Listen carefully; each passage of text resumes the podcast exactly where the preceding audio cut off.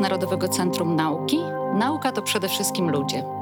Ja nazywam się Anna Korzekwa-Józefowicz, a w tym podcaście rozmawiamy o sprawach istotnych dla środowiska naukowego i funkcjonowania nauki w Polsce. 11 października Narodowe Centrum Nauki przyznało po raz jedenasty nagrodę NCN. Jest to wyróżnienie przyznawane wybitnym młodym naukowcom pracującym w Polsce. Nagroda przyznawana jest w trzech obszarach nauk i mamy w tym roku takich laureatów. W obszarze nauk ścisłych i technicznych laureatką została profesor Katarina Bogusławski z Uniwersytetu Mikołaja Kopernika. W obszarze nauk o życiu profesor Łukasz Opaliński z Uniwersytetu Wrocławskiego i w obszarze nauk humanistycznych, społecznych i o sztuce dr Karolina Ćwiek-Rogalska. Dr Karolina Ćwiek-Rogalska jest gościnią dzisiaj w moim podcaście. Dzień dobry. Dzień dobry. Drugą gościnią jest e, profesor Joanna Golińska-Pilarek z Rady NCN-u, szefowa komisji o bardzo długiej nazwie i znana wszystkim naszym słuchaczom gościni. Dzień dobry. Dzień dobry. Przede wszystkim gratulacje. Dziękuję bardzo. To jest właściwie kolejny e, medal do kolekcji. Tak? Jesteś stypendystką Fundacji na Rzecz Nauki Polskiej, stypendystką Fulbrighta, byłaś stypendystką NAWY. Takie kolejne wyróżnienie to mm, właśnie jest jakimś kolejnym wyróżnieniem po prostu w tej, na tej liście wyróżnień, czy ono ma jakąś dodatkową, dodatkowe znaczenie? Ono ma ogromne znaczenie też przede wszystkim dlatego, że to nie jest nagroda, do której można się samemu zgłosić tylko to jest jednak nagroda wychodząca ze środowiska, co jest niezwykle cenne, ponieważ wiadomo, że ktoś musiał tę kandydaturę zgłosić. I też oparłabym się trochę przed właśnie tym, tym stwierdzeniem o kolekcjonowaniu, prawda? Bo ono jakby wtedy zakłada, że zbieramy coś dla samego zbierania i nie ma jakiegoś innego celu, a tutaj jednak wiadomo, że e, wszystkie te etapy były też niezwykle ważne, żeby po prostu też rozwijać ideę badawczą, z którą, z którą do nauki przyszłam, czy którą zaczęłam jakby rozwijać od, od początku studiów. Joanna, ty jesteś jedną z osób, które no, miały wpływ na wybór tej kandydatki. Wiesz, jak wygląda regulamin, wiesz, jak wyglądają kulisy takiego wybierania kandydatów. Pewnie niewiele możesz powiedzieć, ale powiedz, czy jakby widzisz jakieś zmiany e, w, w porównaniu z poprzednimi latami?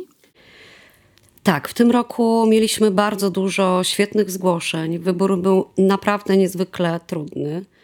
To, co też cieszy, to to, że wśród tych zgłoszeń, przynajmniej w obszarze e, nauk humanistycznych, e, społecznych i o sztuce, bo ten obszar reprezentuję i tu e, mój udział w procesie wyłaniania kandydatów był największy.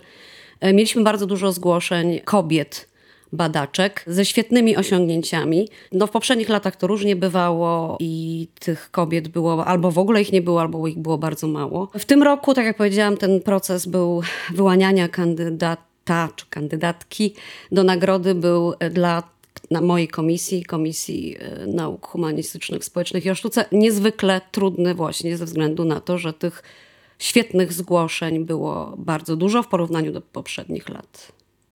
To jeszcze dodajmy, że osób, które mogły zgłaszać e, kandydatów, w tym roku było około 700 i zgłoszeń przyszło powyżej 50 i wśród tych zgłoszeń niektóre się e, powielały i dotyczyły 44 e, kandydatów i kandydatek. Powiedziałam Karolino o twoich no, takich osiągnięciach, pres dowodach prestiżu ale to, czym się zajmujesz, y, jeszcze nie jest znane pewnie wszystkim naszym słuchaczom. Więc przede wszystkim jesteś kulturolożką, bohemistką, y, etnolożką i pracujesz w Instytucie Slawistyki Polskiej Akademii Nauk. W zgłoszeniu do nagrody zgłaszająca cię pani profesor Katarzyna Wrzesińska tak opisała twoje osiągnięcie naukowe – Jest to wyznaczenie nowej kategorii kultur osadniczych w badaniach nad kulturami obszarów postprzesiedleniowych, które kandydatka konsekwentnie rozwija w pracy naukowej.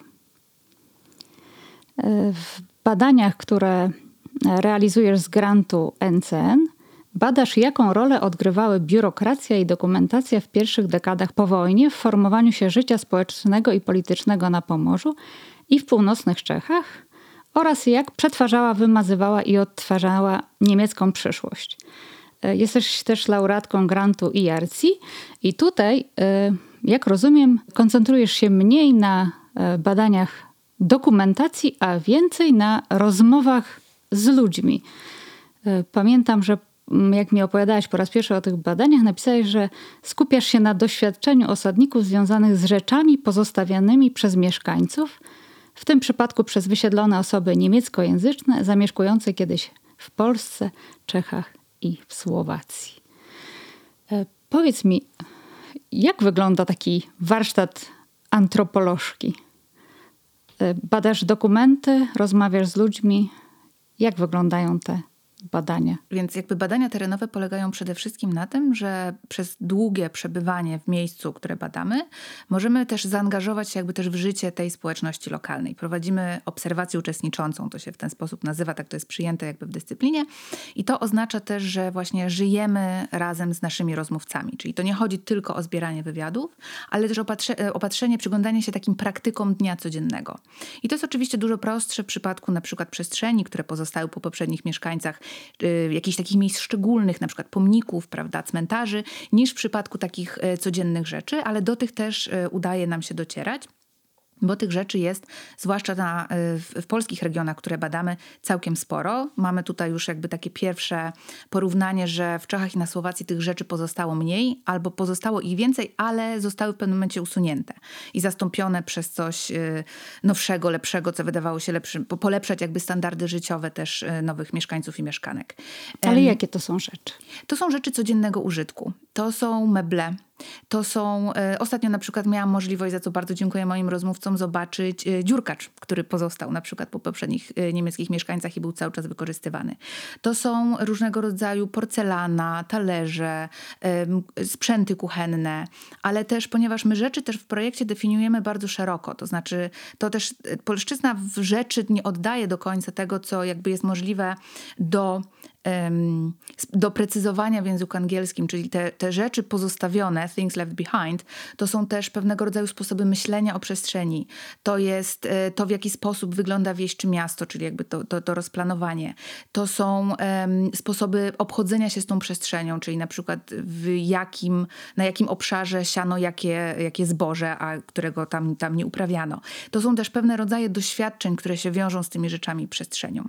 I my przyglądamy się temu, w jaki sposób za zarówno ludzie o tym opowiadają, jak i faktycznie w jaki sposób się z tym obchodzą, jak tym żyją, jak to jest obecne lub nieobecne w tej sferze e, takiej najprostszej codzienności. No i właśnie jak o tym opowiadają? Taki, wspomniałaś o dziurkaczu. Ktoś jeszcze go przechowuje, tak? Czy on, czyli on odegrał jakąś rolę w historii, rozumiem, w historii rodziny, bo to przecież e, e, rozumiem, że nie mówimy o osobie, która wprost wprowadziła się do, te, do tego mieszkania, tylko o potomkach tej osoby, prawda? Dokładnie. To znaczy mamy to szczęście, że jeszcze jesteśmy w stanie rozmawiać z ludźmi i z tymi pierwszymi osadnikami, którzy tam przyjechali często jako dzieci. Ich rodzice już nie żyją, ale oni jako, jako dzieci się tam sprowadzili i mogą nam też opowiedzieć o tym swoim doświadczeniu, przefiltrowanym oczywiście przez, tą, um, um, przez to wyobrażenie, prawda, e, dziecięcej pewnej takiej krainy arkadyjskiej wręcz, bo wiadomo, że dzieciństwo, szczęśliwe dzieciństwo też odciska jakieś piętno na... Um, na tym, co, co jest opisywane i co czasami jakby przebija spod spodu, a spod spodu przebijają czasami właśnie te obrazy ruin, e, niepewności, strachu, przerażenia, nie wiadomo tego, nie, nie, nie, rozpoznania tego, jakie może, co może przynieść jutro. Ale rozmawiamy też z osobami z kolejnych pokoleń, to też jakby jest, jest uwzględnione w naszym paradygmacie badawczym i sprawdzamy też, w jaki sposób one mówią, czy wykorzystują te przedmioty. I tu dochodzi do bardzo też takiego ciekawego zabiegu, to znaczy do przy, zaczęcia przypisywania tym przedmiotom nowych znaczeń. To znaczy one już często nie są dawnymi przedmiotami niemieckimi czy poniemieckimi, jak mówimy po polsku, ale zaczynają być przedmiotami, które wiążą się na przykład z czyimiś dziadkami. Więc wyzwalają trochę inne emocje i inne sposoby narracji wokół takiego przedmiotu. No właśnie, o emocje chciałam Cię zapytać. Jakie są, czy, czy da się jakąś taką dominującą tendencję tu uchwycić? Czy dzisiejsi rozmówcy po tylu latach już, prawda, od, e, e, od momentu, o którym mówimy, no, mają jakieś silne emocje wokół tych przedmiotów i, i, i związane z, z, samą, z samym wydarzeniem historycznym. E, ja odpowiem w taki niesatysfakcjonujący sposób, to znaczy to zależy, bo to w dużym stopniu zależy oczywiście od osoby, która opowiada, od kontekstu, w którym rozmawiamy, od, też od regionu czy od kraju, w którym się znajdujemy. Bo pomimo tego, że Polska, Czechy i Słowacja doświadczyły podobnego procesu, czyli wysiedlania społeczności niemieckojęzycznych i tych nowych fal osadniczych, to one jednak odbywały się w trochę innych warunkach, też z trochę innym myśleniem o tym, jak to wyglądało w przeszłości, kogo wysiedlano, skąd przybywali nowe osadnicy i osadniczki. Więc to, to się, to, to się będzie znacząco różnić, też ilość tych rzeczy, prawda, to uwarunkowania nawet samego samego, samego regionu. Czyli mówimy na przykład o całkiem zasobnych, dużych miastach północnych Czech, o Pomorzu Środkowym, które było takim, przez wiele, wiele lat było pograniczem, więc jakby ścierały się tam cały czas wpływy polskie i niemieckie, czy właśnie o tej środkowej Słowacji z takim silnym nastawieniem też na to, żeby ściągnąć tam ludzi do pracy w górnictwie, żeby mogli zastąpić też wysiedlanych Niemców. Więc to są trochę inne, mm, inne konteksty, ale to tym bardziej czyni ciekawe, e, ciekawe to porównanie. I ta skala tych emocji jest y, bardzo duża. To jest właśnie spektrum emocji od, od, y, od niechęci do, do zrozumienia, od um, jakichś negatywnych po bardzo pozytywne uczucia. Więc tutaj jakby trudno mi to zgeneralizować na takim poziomie, czy jest jakaś jedna dominująca emocja. Mhm.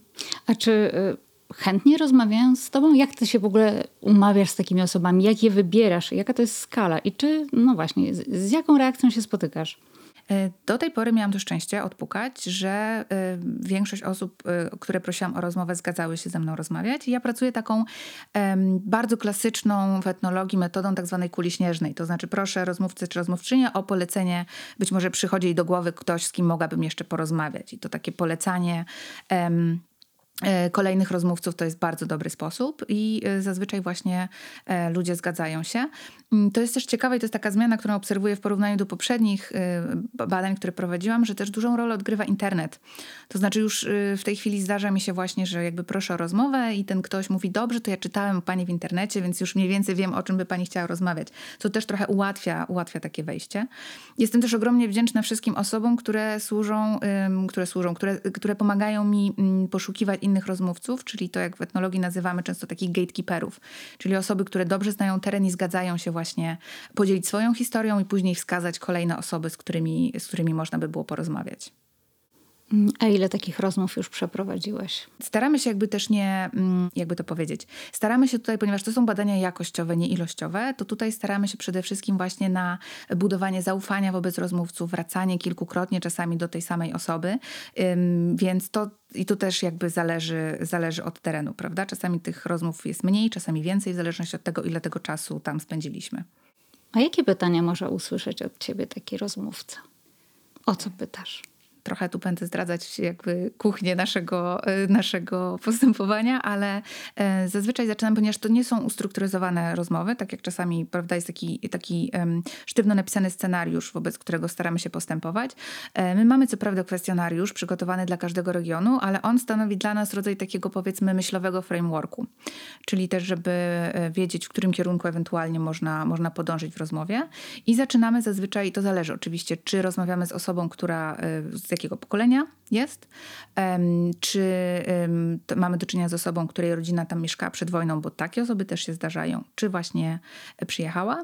I zazwyczaj zagajamy w ten sposób, czy może nam ten ktoś opowiedzieć, skąd jego rodzina wzięła się w danym miejscu, jak przyjechała. I to jest taki punkt wyjścia dla nas y, o, o dalsze pytania. I oczywiście bardzo ważnym pytaniem jest, czy um, są Państwo w posiadaniu jakichś przedmiotów, które należały do poprzednich mieszkańców.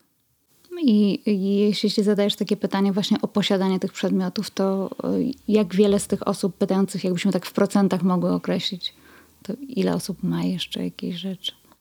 E, zastanawiam się nad określeniem procentowym. Przyznam, że nie jestem dobra w takich, e, w takich operacjach, ale um, to jest taki model idealny oczywiście, że znajdujemy rozmówcę, który jeszcze takie rzeczy posiada, ale takie osoby cały czas jeszcze, jeszcze są. Um, I to jest też bardzo ciekawe, że bardzo często ludzie też w trakcie rozmów z nami zaczynają się zastanawiać nad pochodzeniem niektórych rzeczy. Że nie są, go pewni, nie, nie są pewni, skąd ta rzecz się wzięła i zastanawiają się, czasami na przykład dzwonią do krewnych, dopytując, czy to przypadkiem nie jest też właśnie, nie pozostało po poprzednich mieszkańcach.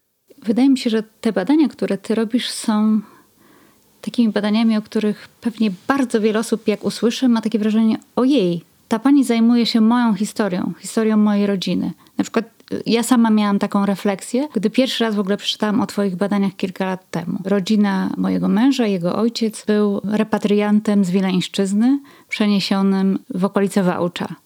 moja własna rodzina, to ludzie mieszkający na wsiach e, podkieleckich, okolice Gowarczowa, ich e, w latach 50., już w 53 roku, już wtedy na świecie był również mój ojciec, władza ludowa kilkanaście wiosek wpakowała do pociągów i wywiozła gdzieś w okolice Kostrzynia. I, I jakby te historie gdzieś też są w rodzinach przekazywane. Masz często takie wrażenie, że ktoś mówi do ciebie, nawet mieszkający w zupełnie innej części gdzieś Polski, o tak, o tym się mówiło u nas w domu?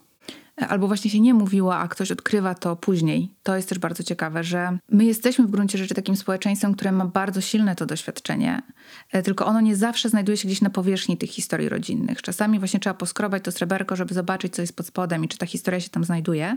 Ale tutaj, bo tutaj mówimy o gigantycznej też liczbie przesunięć tych ludności, prawda? To jakby jak no właśnie, o, o jakiej skali mówimy? O tych, właśnie to jest też bardzo ciekawe, bo my nie wiemy, o jakiej skali mówimy. To znaczy, y, mamy szacunki, wiemy mniej więcej, ile osób wysiedlono, ile osób przybyło, ale ponieważ też przesiedlenia odbywały się w bardzo długim czasie, to znaczy zarówno wysiedlenia społeczności niemieckich i niemieckojęzycznych trwały, to znaczy one się zaczęły, mają, historycy to zazwyczaj dzielą na etap takich dzikich wysiedleń, znaczy ucieczek przed frontem, dzikich wysiedleń i później zorganizowanych wysiedleń, które bardzo szybko się zakończyły. Czechosłowacja nawet szybciej teoretycznie niż, niż Polska to zakończyła. Wydaje mi się, że ostatni transport oficjalnie to jest 46 bądź 47 rok i wtedy się wydaje, że to się kończy. Natomiast to okazuje się być pewnym mitem, czy pewną taką strategią polityczną, y, powiedzenie, że udało nam się z sukcesem wysiedlić te osoby, bo te transporty oficjalnie trwają jeszcze dosyć długo. Ludzie też potem starają się wyjeżdżać, są akcje łączenia rodzin, y, więc nawet ten oficjalny koniec, y, to jest końcówka lat 50., to jest na przykład dla Polski oficjalny koniec zarówno wysiedlania osób na zachód, jak i jeszcze przyjmowania transportów ze wschodu. To są też takie daty umowne. I dysponujemy szacunkami, które w przypadku Polski na przykład sporządzało Ministerstwo Ziem Odzyskanych. To był taki organ, który powstał w listopadzie 45 roku i istniał do stycznia 49 roku, gdzie też rozwiązano go jako, e, jako taki symbol właśnie tej um, um, udanej unifikacji tak zwanych ziem odzyskanych z tak zwanymi ziemiami dawnymi. E, I e, ministerstwo w 1946 roku już szacowało, że ten ruch z samej centralnej Polski obejmie około 2,5 miliona osób, więc to już jest prawda, taka zupełnie gigantyczna skala, a nie mówimy jeszcze o osobach na przykład właśnie, które przyjechały ze wschodu, tak zwanych repatriantach, prawda, jak użyłaś tego słowa, czyli jakby tutaj wraz z przesunięciem granic uznawano, że te osoby wracają do, do, do ojczyzny, chociaż de facto nie był to żaden powrót do ojczyzny, bo one opuszczały tereny, które, e, na których zamieszkiwały właśnie w swojej, w swojej ojczyźnie. Więc ta skala skala jest gigantyczna, ale tak jak mówię, mamy pewne szacunki, to znaczy nie doliczymy się zapewne y, dokładnej, dokładnej liczby. Zostają nam też te osobiste właśnie historie. W mojej rodzinnej historii y, to się tak potoczyło, że y, wszyscy wyjechali stamtąd, tak? To znaczy rodzina ojca wyjechała błyskawicznie, znaczy błyskawicznie. Dziadek szukał jakiejś możliwości odnalezienia się na Mazowszu i w sumie niewiele mówił o tym czasie. Mówił znacznie więcej o czasach wojny, choć był małym chłopcem i to nie były jednoznacznie dramatyczne doświadczenia, choć był e, robotnikiem przymusowym. Był małym chłopcem u dobrego Bauera, tak to nazwijmy. Tak? A ten moment, te, te, te kilka lat e, w okolicach, no na dzisiejszych, nazwijmy to, ziemiach odzyskanych, no to, to jakoś znacznie mniej wspominał o tych czasach niż, e, niż o, o czasach wojennych. Wydaje mi się, że to jest właśnie taka historia, którą dopiero gdzieś tam można by odskrobać. Ale też pamiętam jedno, pamiętam, że intencją powrotu, e, znaczy powrotu, przesiedlenia się na Mazowsze był lęk. Tak, i to jest w ogóle bardzo ciekawe też to, co powiedziałaś o tych wspomnieniach wojennych, bo to też, też, też się faktycznie zdarza w rozmowach, które prowadzimy, ale też to bardzo dobrze widać e, w pamiętnikach. To znaczy jakby w Polsce dysponujemy szalenie interesującą bazą wielu pamiętników, które zbierały przeróżne instytucje w, takim, w takiej formie takiego boomu pamięciowego, prosząc o opisanie e, mniej lub bardziej wyspecjalizowanego powiedzmy rejonu wspomnień. I tych e, konkursów na pamiętniki osadnicze na tak zwanych ziemiach odzyskanych było kilka.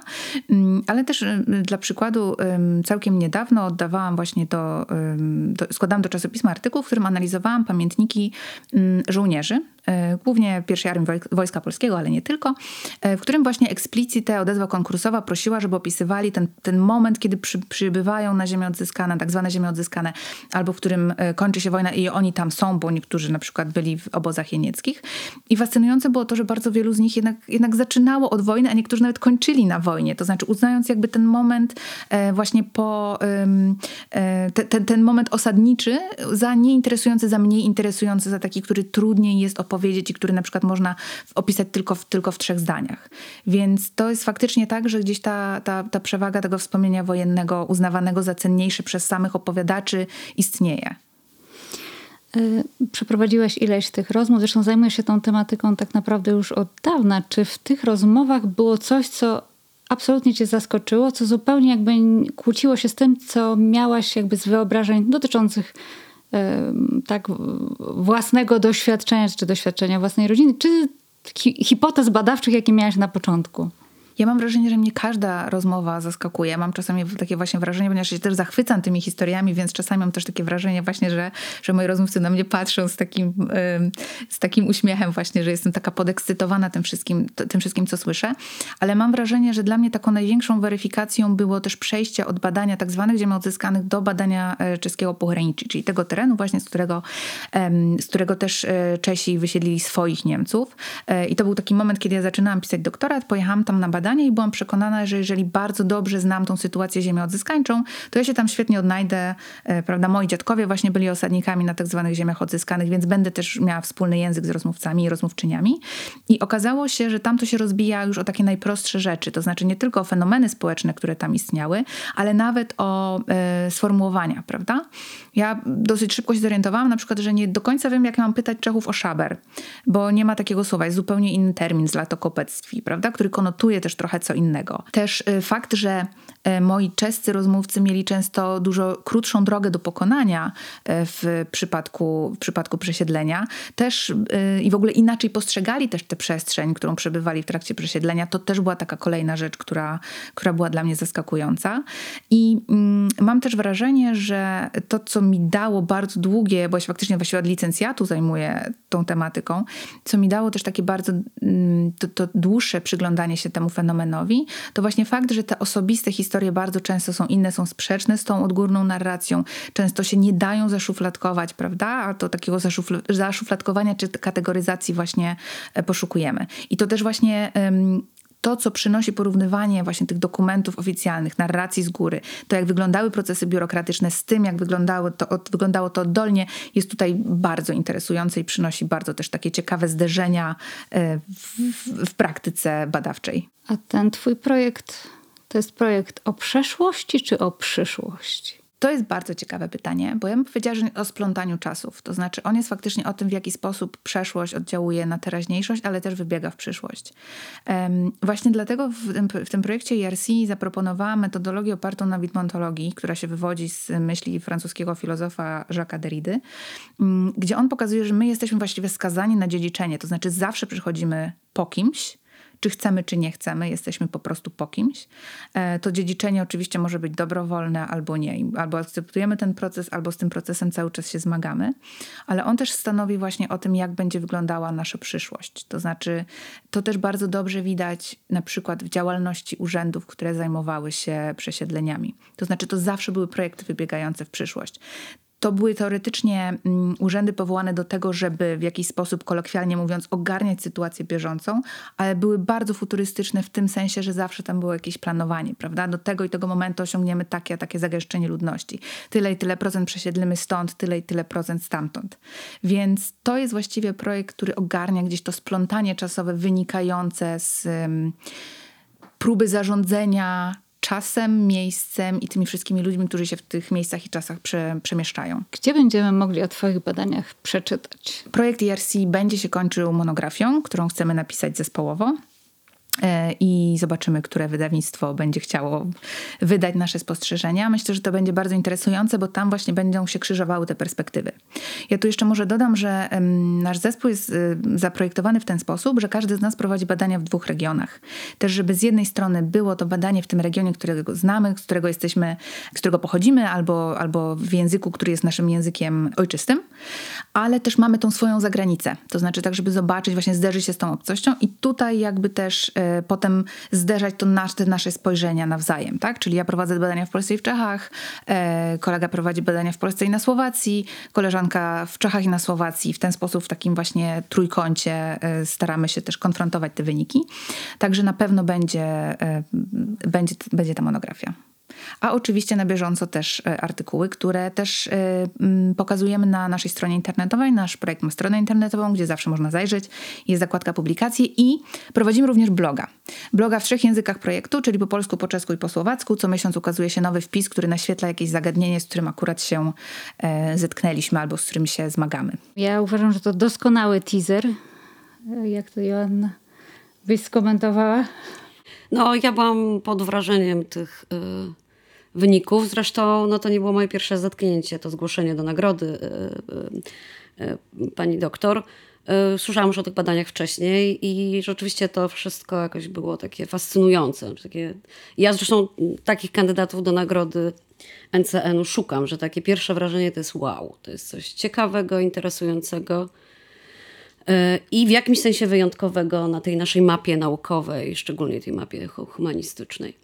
Więc miałam wrażenie właśnie, że jest y, mm, ciekawe badawczo, ale też ciekawe tak po ludzku. Znaczy, gdybym nawet nie była naukowcem, myślę, że to mogło być bardzo interesujące. Po prostu sobie poczytać o tych rzeczach. Mm, a szczęśliwie mm, pani też no, ma tendencję do popularyzowania tych wyników, więc E, to jest ten miły aspekt. Znaczy, w tym rzeczywiście też jest coś takiego literackiego. Tak. Jak ja przeczytałam e, uzasadnienie e, do Twojej nagrody, to pierwsze wrażenie miałam takie, że jakbym czytała uzasadnienie do nagrody Nike.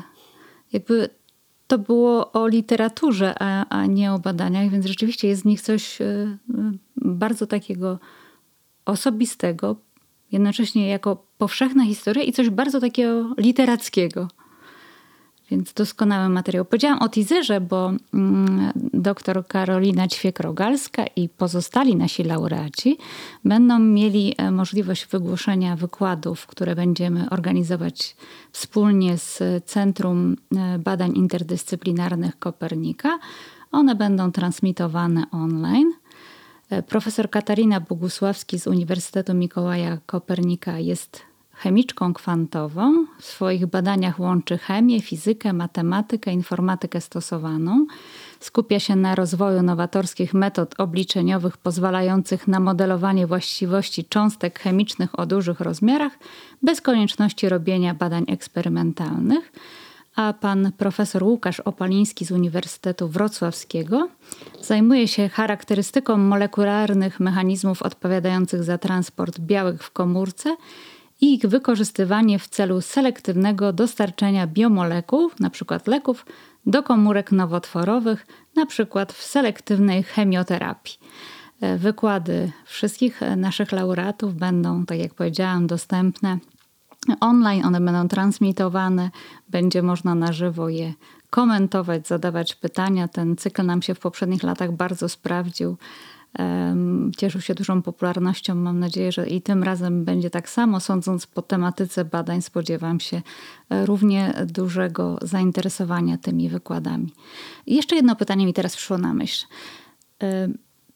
To jest badanie niby, e, niby lokalne, tak? Znaczy ono dotyczy konkretnie e, polskich ziem odzyskanych, tak to nazwiemy, tak? I, i terenów w Czechach i w Słowacji ale te, te, badania e, to są badania prowadzone również w innych krajach, prawda? Czy te takie badania nad pamięcią, nad przeszłością, to, to nie jest coś, co, co byłoby tylko lokalnego. To się wpisuje w szerszy kontekst, prawda? Tak, oczywiście. Jakby można znaleźć takie powiedzmy analogony do tego, co tutaj się działo, prawda? Ja też ym, wierzę bardzo mocno, że z tego doświadczenia y, słowiańskiej Europy Środkowej my się wiele możemy nauczyć o tych powstawaniu nowych kultur, o tym, co się dzieje w, w tych miejscach, z których dotychczasowi mieszkańcy są, które są, y, dotychczasowi mieszkańcy są zmuszeni opuścić i przychodzą tam nowi mieszkańcy. Ale to są procesy, które dzieją się i działy się nie tylko w, w tych regionach, które akurat my badamy w projekcie, ale też mają miejsce, miały i mają cały czas miejsce e, w innych regionach świata. Więc też takim naszym celem mamy, mamy taki plan, żeby na półmetku projektu zorganizować warsztat, gdzie zaprosimy osoby, które zajmują się podobnymi zagadnieniami właśnie na innych przykładach. Zobaczyć, co też działa, e, co, co działa wspólnie, co je różnicuje i w jaki sposób też te paradygmaty, które my chcemy wypracować w ramach projektu, w jaki sposób one mogą przydać się do badania takich zagadnień gdzie indziej. Ja mam nadzieję, że nasza nagroda też dodatkowo pozwoli wypromować Pani badania. Na podstawie też doświadczeń laureatów poprzedniej edycji wiem, że chociażby i, i sam fakt nagrody, i te wykłady, które e, były organizowane wspólnie z Fundacją Kopernika, sprawiły, że przed nimi też otworzyły się nowe możliwości współpracy, nie tylko naukowej, ale też popularyzatorskiej. E, profesor Bogdziewicz wspominał o możliwości, że rozmawia w tej chwili o możliwości e, jakiegoś zastosowania jego badu, badań w grach komputerowych, więc e, życzę i pani, żeby to otworzyło jakieś nowe, nowe ścieżki, nowe sposoby i nowe formy popularyzacji pani badań. Joanna, do ciebie jeszcze pytanie mam, bo jesteś tutaj nie tylko jako właśnie członkini komisji konkursowej, ale też przedstawicielka komisji regulaminowej. W jakim sensie ta nasza tegoroczna nagroda e, to nagroda, która no, w takiej formule e, wręczana jest po raz ostatni. Zostały wprowadzone zmiany w regulaminie. Tak, to znaczy no formuła, mam nadzieję, samego wręczania będzie taka sama. będzie taka sama, czyli zawsze to będzie bardzo e, uroczysta chwila, podniosła i ciekawa jednocześnie. E, natomiast oczywiście zmienia się szczęśliwie regulamin. Mówię szczęśliwie, ponieważ zmiany w regulaminie Rada NCN-u jeszcze poprzedniej kadencji wprowadziła już dosyć dawno temu i ten regulamin czekał na akceptację ministra, co nastąpiło stosunkowo niedawno. Także kolejna edycja nagrody NCN będzie już e, przebiegała zgodnie z nowym regulaminem. Tych zmian jest kilka. Podstawowa, najważniejsza zmiana to zmiana e, wieku kandydata, e, który może być do nagrody zgłoszony. Do tej pory to był wiek metrykalny, mogli być zgłoszeni badacze do 40 roku życia. Od kolejnej edycji będzie to wiek naukowy, to znaczy będzie można zgłosić badaczy zatrudnionych w Polsce, którzy uzyskali stopień doktora albo w roku zgłoszenia, albo y, nie więcej niż 12 lat y, przed rokiem zgłoszenia. Y, I dodatkowo jeszcze ten okres 12 lat można rozszerzyć o różnego rodzaju przerwy mm, w karierze naukowej. Takie same tutaj zasady zastosowaliśmy, jak obowiązują w naszych konkursach a zatem są to wszelkie przerwy związane z opieką bądź wychowywaniem dzieci e, z dłuższą chorobą, jak i również mamy tutaj taki bonus dla kobiet za każde urodzone bądź przysposobione dziecko. Ten okres się wydłuża o 18 miesięcy. E, inaczej mówiąc, te kryteria tak, do dawania przerw są dokładnie takie same jak w konkursach NCN-u. To ma sprzyjać E, wspieraniu, e, ma wspierać e, zgłaszanie kobiet, które być może właśnie przez tę opiekę nad dziećmi ich osiągnięcia naukowe no niekoniecznie prawda, mogły powstać w tym pierwszym okresie po doktoracie, tylko ten okres mógł być trochę wydłużony. To jest pierwsza ważna zmiana. Druga ważna zmiana dotyczy tego, kto może zgłaszać kandydatów do nagrody. Istotnie poszerzyliśmy grono nominujących. W szczególności już nowy regulamin uwzględnia w tej grupie e, członków zespołów, wszystkich zespołów ekspertów w konkursach Opus, Sonata, Sonata Bis, Maestro, którzy są afiliowani w polskich jednostkach. Dodatkowo e, uwzględnia kierowników projektów Maestro i Sonaty Bis, plus no, wszystkie te osoby, które do tej pory mogły zgłaszać, więc to jest bardzo już obszerna grupa naukowców pracujących w Polsce, którzy do nagrody będą mogli zgłaszać kandydatów. Mamy nadzieję, że te nasze zmiany będą sprzyjać temu, by no, by to spektrum tych kandydatów było różnorodne, zarówno pod względem dyscyplinowym, jak i geograficznym. Kolejna zmiana dotyczy takiej transparentności, a mianowicie do, dodaliśmy taki przepis, który mm, wyklucza możliwość zgłoszenia byłego bądź obecnego radnego, członka Rady NCN. No po to Rada stanowi najważniejszą część kapituły nagrody, w związku z tym, niezależnie od tego, czy to jest aktualny członek Rady, czy były członek Rady, nie może być po prostu zgłoszony do tej e, nagrody, a, a mamy już takich e, członków w Radzie, którzy no ten, to kryterium wieku e, możliwości zgłoszenia do nagrody spełniają. Zmieniliśmy również troszkę formularz zgłoszenia do nagrody kładąc znacznie większy nacisk, bo, bo taka jest intencja i o to, i tego szukamy i o to nam chodzi, większy nacisk na to osiągnięcie. Publikacje, e, ograniczyliśmy liczbę publikacji, które mają potwierdzać to osiągnięcie, natomiast istotne jest to, by w tych zgłoszeniach znalazła się mm, szczegółowa informacja o tym, na czym polega osiągnięcie, jaka jest jego waga naukowa znaczenie, wpływ e, i tak dalej, bo no często te nasze te, te zgłoszenia, które dostajemy, bardziej skupiają się na publikacjach, na takich bibliometrycznych e, informacjach, podczas gdy my szukamy e, no, tych osiągnięć, za, osiągnięcia, za osiągnięcie naukowe otrzymuje się nagrodę, a nie za sam fakt posiadania publikacji w takim czy innym miejscu. Ta edycja jest wyjątkowa, bo mamy dwie laureatki, ale to, o czym wspomniałaś, to ta główna zmiana dotycząca wieku naukowego, który teraz będzie wprowadzony zamiast wieku biologicznego, no była odpowiedzią na poważny problem y, niewystarczającej liczby zgłoszeń kandydatek do nagrody, prawda? Tak, zgadza się. Szczególnie w, no, w, w, obszarze nauk y, ścisłych, technicznych czy nauk o życiu, bo w obszarze nauk humanistycznych no zawsze jakaś kobieta była zgłaszana, ta, ta proporcje były różne, natomiast no bywa tak rzeczywiście, że w naukach e, ścisłych i technicznych, czy naukach o życiu, no po prostu nie ma żadnego, żadne zgłoszenie, tak, e, nie dotyczy kobiety. Te zmiany tak naprawdę one mm, mają wspierać taką różnorodność tych zgłoszeń tylko pod względem właśnie tutaj tej, tej, tej, tej grupy, czyli grupy badaczek, ale też no chcielibyśmy, żeby te zgłoszenia spływały z różnych stron Polski, e, z różnych dyscyplin, z różnych tematów badawczych, również niszowych. To, że rozszerzamy też grupę nominujących do nagrody, no mamy nadzieję, że to będzie sprzyjać y, temu, by, by, by tych zgłoszeń było więcej. No wiadomo, im więcej zgłoszeń, tym większa szansa na to, że, że, że, że, że wyłoniony kandydat rzeczywiście będzie bardzo dobry. Um, i to też stwarza szansę dla mniejszych ośrodków, prawda? Bo, bo, bo no do tej pory ta grupa oczywiście była bardzo obszerna, bo przez lata zgromadziliśmy odpowiednie, odpowiednie grono mm, nominujących, ale no pytanie, czy ona nie była za bardzo skoncentrowana właśnie na tych największych ośrodkach, czy na tych najbardziej mainstreamowych obszarach badawczych, więc wydaje nam się, że, że, że to ten ruch powinien tutaj polepszyć tę sytuację. Mój pierwszy e, kontakt z Karoliną przed no, przed parunastu miesięcy, jak pamiętam, polegał na tym, że zapytałam ją, tak jak i innych e, ówczesnych laureatów Starting Grant ERC, czy doświadczenie z realizacją projektu w NCN jakoś wpłynęło na jej sukces w grancie ERC? Wtedy byłaś już e, po realizacji projektu Miniatura, pamiętam. I Karolina odpowiedziała w sposób najbardziej zaskakujący. Chyba takiej odpowiedzi się nie spodziewałam. Pamiętasz, co to było? Tak, bo ja byłam też nie tylko po realizacji miniatury, ale byłam też e, po odrzuceniu mojego wniosku o sonatę, który odpadł w drugim, w drugim etapie.